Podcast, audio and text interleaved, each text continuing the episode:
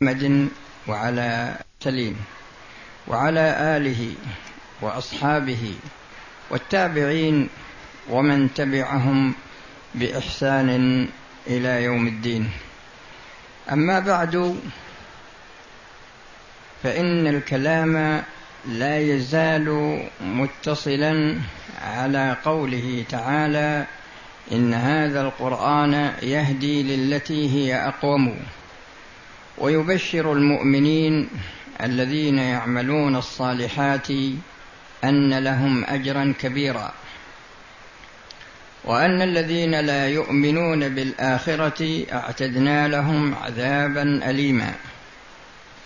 وقد سبق الكلام على ذكر جملة من الوسائل التي يستعان بها على فهم القرآن من أجل العمل بهدايته. وسبق أيضا بيان أن من وجوه هداية القرآن أن الله سبحانه وتعالى بنى هذه الشريعة على جلب المصالح وعلى درء المفاسد في الدنيا وفي الآخرة. وسبق الكلام على ان على على أن هذه الشريعة شريعة عامة ومعنى ذلك أن هداية القرآن هداية عامة للإنس والجن إلى أن تقوم الساعة. وسبق الكلام أيضا على أن هذه الشريعة على أن من وجوه هداية القرآن أن هذه الشريعة شريعة كاملة لا تحتاج إلى زيادة. لا تحتاج إلى زيادة. وكل هذا سبق الكلام عليه. لكن في هذه الليلة الكلام على وجه من وجوه هداية القرآن. وهذا الوجه هو أن هذه الشريعة مبنية على اليسر والسهولة. أن هذه الشريعة شريعة يسر وسهولة. وهذا الوجه عندما يراد استيفاء الكلام عليه استيفاء تاما ففي الحقيقة يحتاج إلى وقت طويل جدا. لكنني أشير إشارة عامة إلى هذا الموضوع.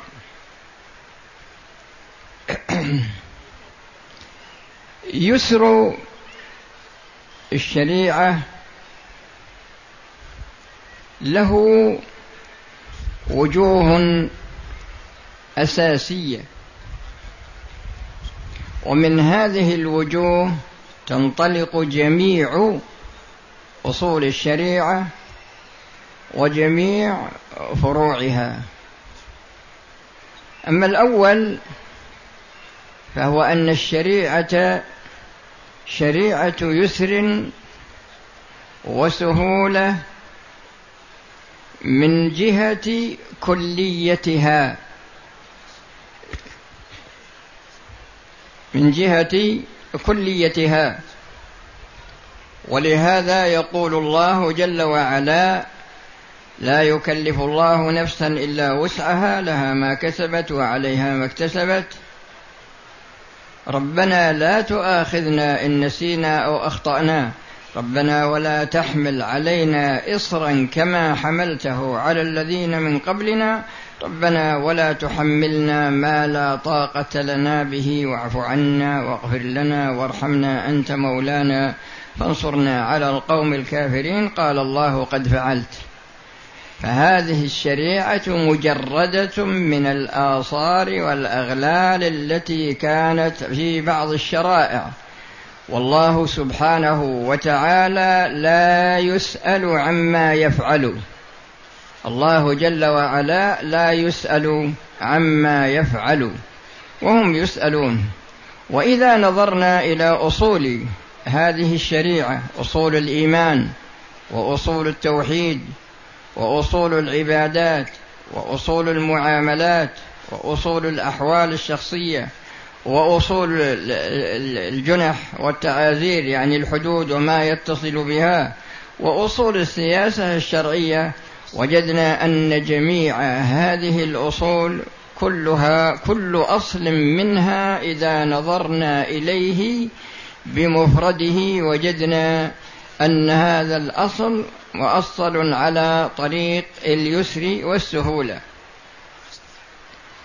هذا من النظر الكلي. إذا نظرنا إليها نظرا يعني كليا فإنها تكون شريعة يسر وسهولة. وإذا نظرنا إليها من ناحية تفصيل أنواعها فمثلا الصلاة نوع والصيام نوع والتوحيد نوع والإيمان كل نوع منها إذا نظرنا إليه بمفرده وجدناه أيضا. وجدنا أن الله سبحانه وتعالى شرعه على طريق اليسر والسهولة. فإذا نظرنا إلى الصلاة من جهة جانب العزيمة من جهة جانب العزيمة. وجدنا أن الله تعالى شرع الصلاة شرع خمس صلوات في اليوم والليلة. وإذا نظرنا إلى كل صلاة بمفردها ونظرنا إلى وقتها ونظرنا إلى مكانها ونظرنا إلى هيئتها ونظرنا إلى أعدادها فننظر إلى إلى أصلها وإلى كميتها وإلى كيفيتها وإلى زمانها وإلى مكانها وجدنا أن جميع هذه الأمور كلها فيها يسر وسهولة على المكلفين. وهكذا إذا نظرنا إلى الصيام وجدنا أن الله سبحانه وتعالى شرع صيام شهر في السنة. وإذا نظرنا إلى الحج وجدنا أن الله أوجبه على القادر في العمر مرة واحدة. وهكذا بالنظر للعمرة. وهكذا بالنظر للعمرة.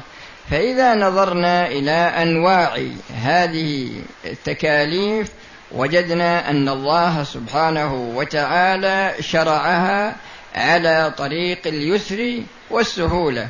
وكما ذكرت لكم قبل قليل إذا نظرنا إليها من جهة أصلها أو كميتها أو كيفيتها أو وقتها من ناحية يعني الزمان الذي تؤدى فيه وكذلك من جهة المكان الذي تؤدى فيه جعلت لي الأرض مسجدا وطهورا فأيما رجل أدركته الصلاة فليصلي على هذا الأساس بالنظر إلى. بالنظر إلى التمثيل بالصلاة والصيام وهكذا بالنظر للعمرة والحج وكذلك ما فرضه الله من من من الزكاة في المال. إذا نظرنا إليه وجدنا أنه جزء يسير. أوجبه الله وجعل وبين مصارفه في سورة التوبة إنما الصدقات للفقراء والمساكين والعاملين عليها والمؤلفة قلوبهم وفي الرقاب والغارمين وفي سبيل الله وابن السبيل. وبناء على هذا الكلام في هذا المحل تجري جميع العزائم التي في الشريعة. إذا نظرنا إلى البيع وهكذا يعني أبواب العلم. إذا نظرنا إلى كل باب بمفرده وجدنا أن الله سبحانه وتعالى بناه على اليسر والسهولة. وقد يقول قائل ما معنى اليسر والسهولة التي تكرر ذكرها؟ والجواب عن ذلك أن الله سبحانه وتعالى لم يكلف الناس تكليفا يشق عليهم مشقة خارجة عن المعتاد في كل أمر من أمور الشريعة. لأننا إذا نظرنا إلى المشاق في الشريعة وجدناها متفاوتة. وجدناها متفاوتة. فمشقة الحج ليست كمشقة الصيام. مشقة الصيام ليست كمشقة الصلاة. وهكذا فتجدون أن الله سبحانه وتعالى شرع هذه الأمور وكل أمر منها لا يمكن أن يؤدى إلا وقد اقترن به مشقة. لكنها مشقة مناسبة له. لكنها مشقة مناسبة له. هذا هو المقصود بهذه بكلمة العسر بكلمة اليسر. فلو فرضنا أن الله شرع في اليوم خمسين صلاة أو ستين صلاة أو شرع مثلا صيام نصف السنة أو شرع آه، نصف المال زكاة كل سنة أو شرع الحج في كل سنة. كل هذه الأمور تجدون أنها مقترنة بمشقة عظيمة على العباد. ولكن الله سبحانه وتعالى أرحم بعباده من أنفسهم. فالمقصود أننا إذا نظرنا إلى باب العزائم في الشريعة وجدنا أن جميع الأصول وجميع الفروع كلها مبنية مبنية على اليسر والسهولة. فيه عوارض تعرض للإنسان. ولو أنه أخذ بالعزائم في هذه المواضع لحصل عليه مشقة خارجة عن المعتاد في كل موضع بحسبه. وبيان ذلك أن الله سبحانه وتعالى شرع شرع الجمع للمريض. وشرع له أن يصلي قاعدا إذا لم يستطع القيام. وشرع له أن يصلي على جنب إذا لم يستطع القعود. وشرع له أن يصلي مستقبلا ورجلاه إلى القبلة إذا كان لا يستطيع أن يصلي على جنب. فانظروا إلى هذا الترتيب فهذه رخصة من الله لأنه لو صل لو لو لو ألزم بأن يصلي قائما في جميع هذه الأحوال لحصل عليه مشقة عظيمة. ولكن لما كانت هذه المشقة تحصل عليه عندما يباشر العمل الله سبحانه وتعالى رأف بحاله وصرفه عن الأخذ بالعزيمة إلى الأخذ بالرخصة. صرفه عن الأخذ بالعزيمة إلى الأخذ بالرخصة لأن الأخذ بالرخصة أرأف به وألطف به. وهكذا بالنظر له إذا كان يشق عليه الصيام. المريض الذي يشق عليه الصيام فإنه يفطر ويقضي. وإذا كان لا يستطيع القضاء في حياته كلها بحسب تقرير طبي مثلا فإنه يفطر ويطعم. فإنه يفطر ويطعم عن كل يوم مسكين.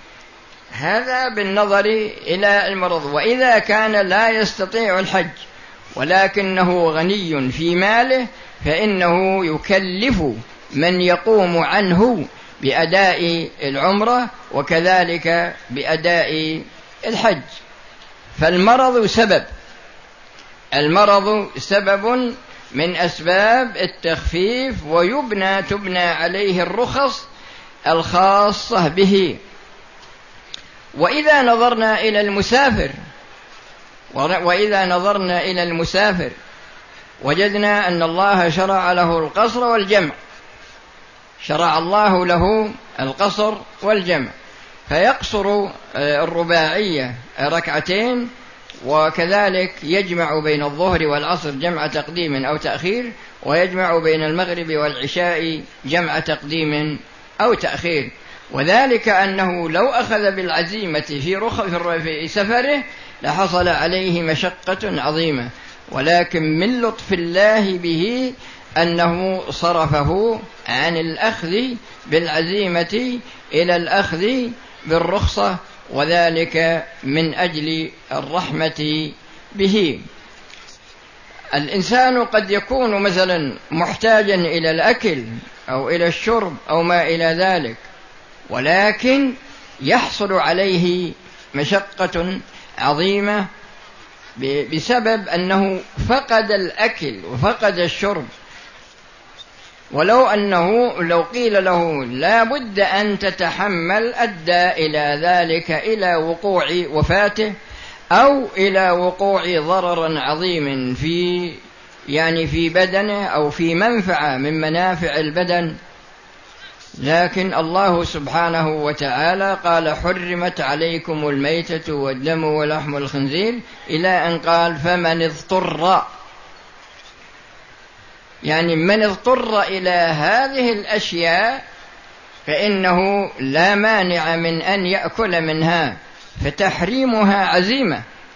لكن لما كان الالتزام بهذه العزيمة يحصل على المكلف منه مشقة عظيمة فإن الله سبحانه وتعالى صرفه عن الأخذ بالعزيمة إلى الأخذ بالرخصة وهي إباحة الأكل.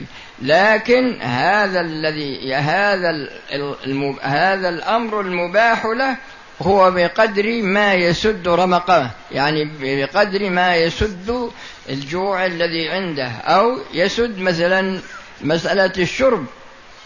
إذا لا إذا اضطر مثلا إلى شرب الخمر أو إلى اضطر المهم أنه اضطر إلى أكل شيء محرم أو اضطر إلى آه، شرب شيء محرم. وهكذا بالنظر لو اضطر إلى مال آدمي. عنده مال آدمي وعنده ميتة. عنده مال آدمي مثلا إذا كان عنده مال آدمي ولا يستطيع الآن يعني دفع هذا الجوع إلا من طريق مال الآدمي فإنه يأكل منه ولكن يكون مضمونا عليه. فالله أباح ملك الغير لأن الأصل هي عصمة الدماء وعصمة الأموال وعصمة الأعراض. كل هذه هذا هو الأصل. إن دماءكم وأموالكم وأعراضكم عليكم حرام كحرمة يومكم هذا إلى آخر ما قاله صلى الله عليه وسلم في خطبة الوداع.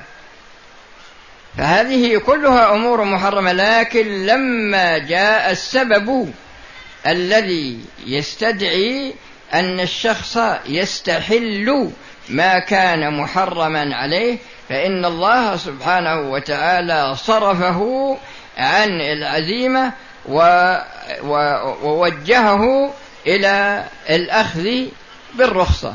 بناء على ذلك يتبين لنا أن هذه الشريعة منها ما هو عزيمة.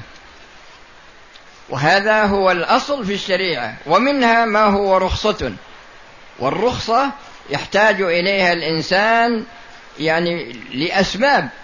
ذكرت لكم منها مسألة المرض ومسألة السفر وفي أسباب أخرى مثل الإكراه ومثل الخطأ ومثل النسيان ومثل العسر وعموم البلوى هذه كلها أسباب تجعل الإنسان ينتقل من الرخ من العزيمة إلى الرخصة لكن يبقى أمر واحد وهو مهم جدا يعني التنبيه عليه مهم خشية من أن يفهم أنه داخل في عموم هذا الكلام.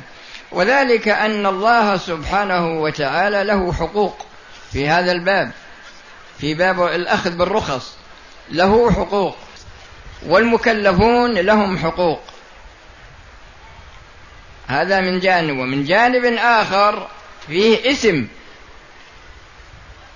فيه اسم فهل مثلا هذه الأمور كلها يعفى عنها بسبب الرخصة؟ يعني إنسان مثلا أكره على فعل أمر محرم. قيل له افعل هذا الأمر وإلا قتلناك. فإنه يفعله. لكن هل يكون آثما؟ لا. إذا كان في حقوق الآدميين فإن حقوق الآدميين مضمونة. حقوق الآدميين مضمونة. إذا كان حق لله فالله سبحانه وتعالى غفور رحيم. لكن فيه ثلاثة أمور هذه لا بد من التنبه لها على أساس أنها لا تدخل في الرخصة. يعني ما يرخص للإنسان مثل الشرك بالله. الشرك بالله لا يجوز للإنسان أن يشرك بالله ويقال له إن الله سبحانه وتعالى غفور رحيم وهذه شريعة شريعة يسر. فإذا أكره على الشرك سواء كان من جهة القول أو كان من جهة الفعل فإنه لا يجوز له أن يقدم على ذلك. غرضي أن الشرك لا تدخله الرخصة.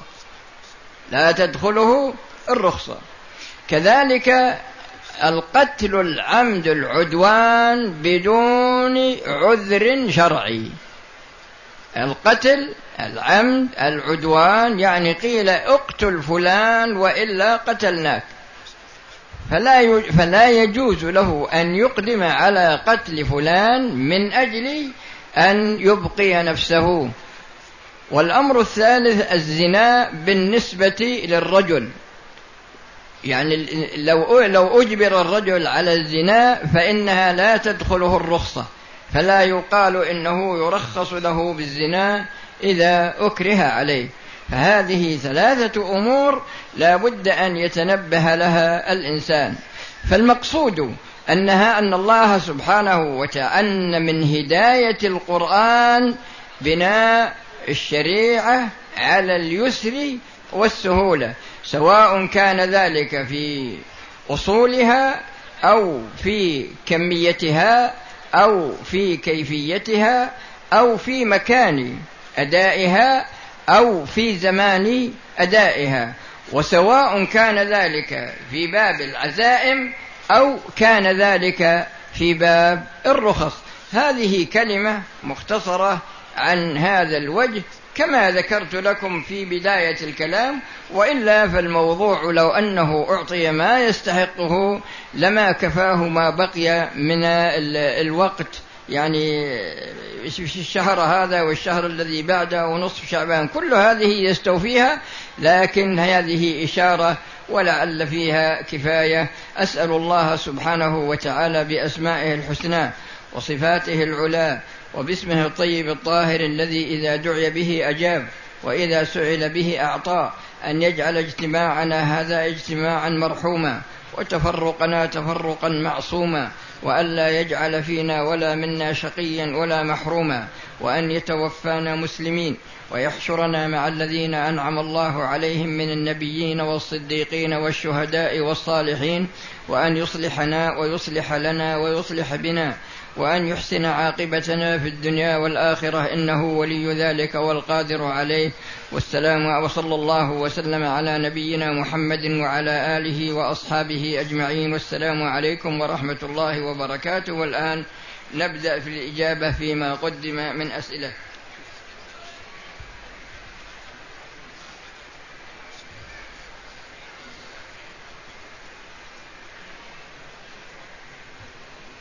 الترك هذا يقول الصلاة في الحرم تضاعف إلى مئة ألف صلاة فهل هذا في الفرائض؟ يا أخي الرسول صلى الله عليه وسلم قال صلاة في مسجدي هذا فلم يخصص فرضا ولا نفل. ولو ولو أنه قال صلاة الفرض في مسجدي هذا لكن قال صلاة في مسجدي هذا فمعنى هذا أنها أن هذا عام في الفرائض والنوافل.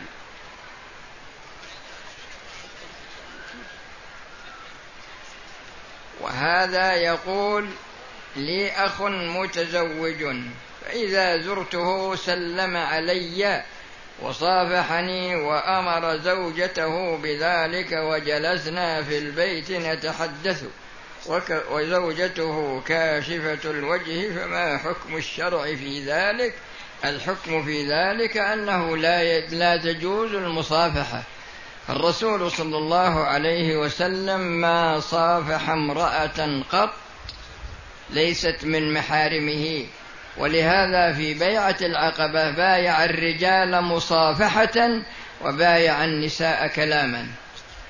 فلا يجوز لأخ الزوج أن يصافح زوجته. لا يجوز للزوج أن يأمر ولا يجوز للزوجة أن تطيع ولا يجوز لأخ الزوج أن يطيع في ذلك لأنه لا طاعة لمخلوق في معصية الخالق.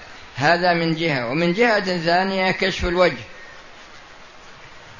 ومن جهة ثانية كشف الوجه لا يجوز للمرأة أن تكشف وجهها لغير محارمها. تكشفها للنساء تكشف وجهها لمحارمها ولهذا كان من آه، يعني من محظورات الإحرام على المرأة إذا إذا أحرمت بعمرة أو حج أن تغطي وجهها إذا كانت منفردة أو تغطي وجهها إذا كانت عند النساء أو تغطي وجهها إذا كانت عند المحارم فيجب عليها كشف وجهها في هذه المواضع الثلاثة.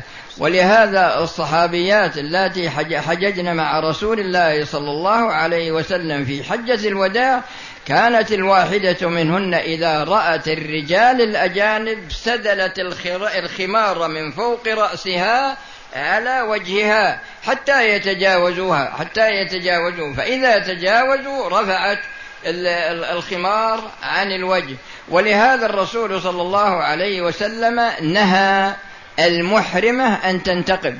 نهى المحرمة أن تنتقب. ولهذا هذه الظاهرة التي ظهرت بين كثير لا بالنسبة للنساء ولا بالنسبة للرجال أن كشف الوجه لا بأس به. لا شك أن هذا أمر محرم. فصحيح أن كشف الوجه كان في بداية الإسلام لكنه نسخ في آخر الأمر نسخ ذلك بوجوب الحجاب. وعلى كل حال فالله سبحانه وتعالى يقول فكلا أخذنا بذنبه. هذا من جانب. الجانب الثالث كون أنك تأتي بزوجتك وتأتي بأخيك وتجلس أنت معهم وتتحدثون سواء وهي كاشفة يمكن يكون أخوك أحسن منك شكل. فتتعلق به وتزهد بك أنت. وهذا وقع. وجد بعض الأشخاص يعني عمل مثل هذه العملية. صار أخوه يأتي إلى بيته في غيبته ويستعمل زوجته. ولهذا تجدون أن أن أن الشارع سد الذرائع. سد الذرائع الموصلة جميع الذرائع الموصلة إلى أمور محرم. تجدون أن الله سدها. ففي مثل هذه المسألة الرسول صلى الله عليه وسلم لما سئل عن الحمو قال الحم الموت. والحم هو أخو الزوج. لأنه يدخل في البيت بدون ريبة فمنع دخوله. وقال قل للمؤمنين يغضوا من أبصارهم وقل للمؤمنات يغضضن من أبصارهن. ونهى المرأة عن السفر بدون محرم وقال ولا يضربن بأرجلهن ليعلم ما يخفين من زينتهن. يعني تجدون هذا حفاظ لا بالنسبة للمرأة ولا بالنسبة لزوجها مثلا أو لولي أمرها. فهذا حفاظ على عرضها من جهة وعلى سمعة أسرتها من جهة أخرى. لأنه إذا هتك عرضها فإن هذا فيه ضرر عليها وضرر على أسرتها وفيه ضرر أيضا على المجتمع. فالمقصود أن هذه الأمور كلها لا تجوز.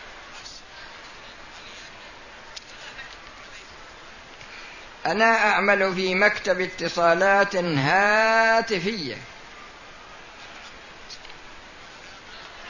وتأتي نساء متبرجات غير محجبات ويطلبون أرقام الهاتف الجوال. لإلقاء مشبوه مع الرجال. لا يجوز لك أن تعطي امرأة هاتف مطلقا. لأنها أصبح هذا بلية.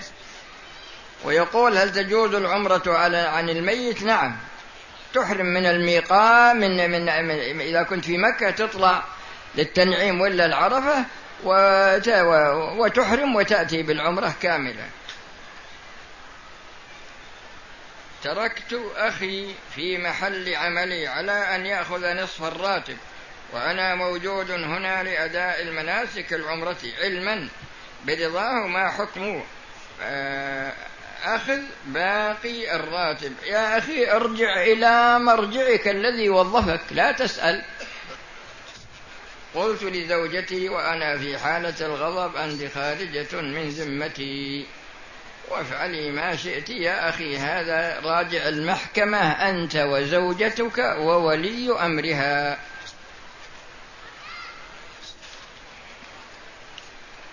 شخص عقد القران على فتاة بحضور أهلها وأهلها أهله وأهلها. وفي اليوم التالي مباشرة طلب والد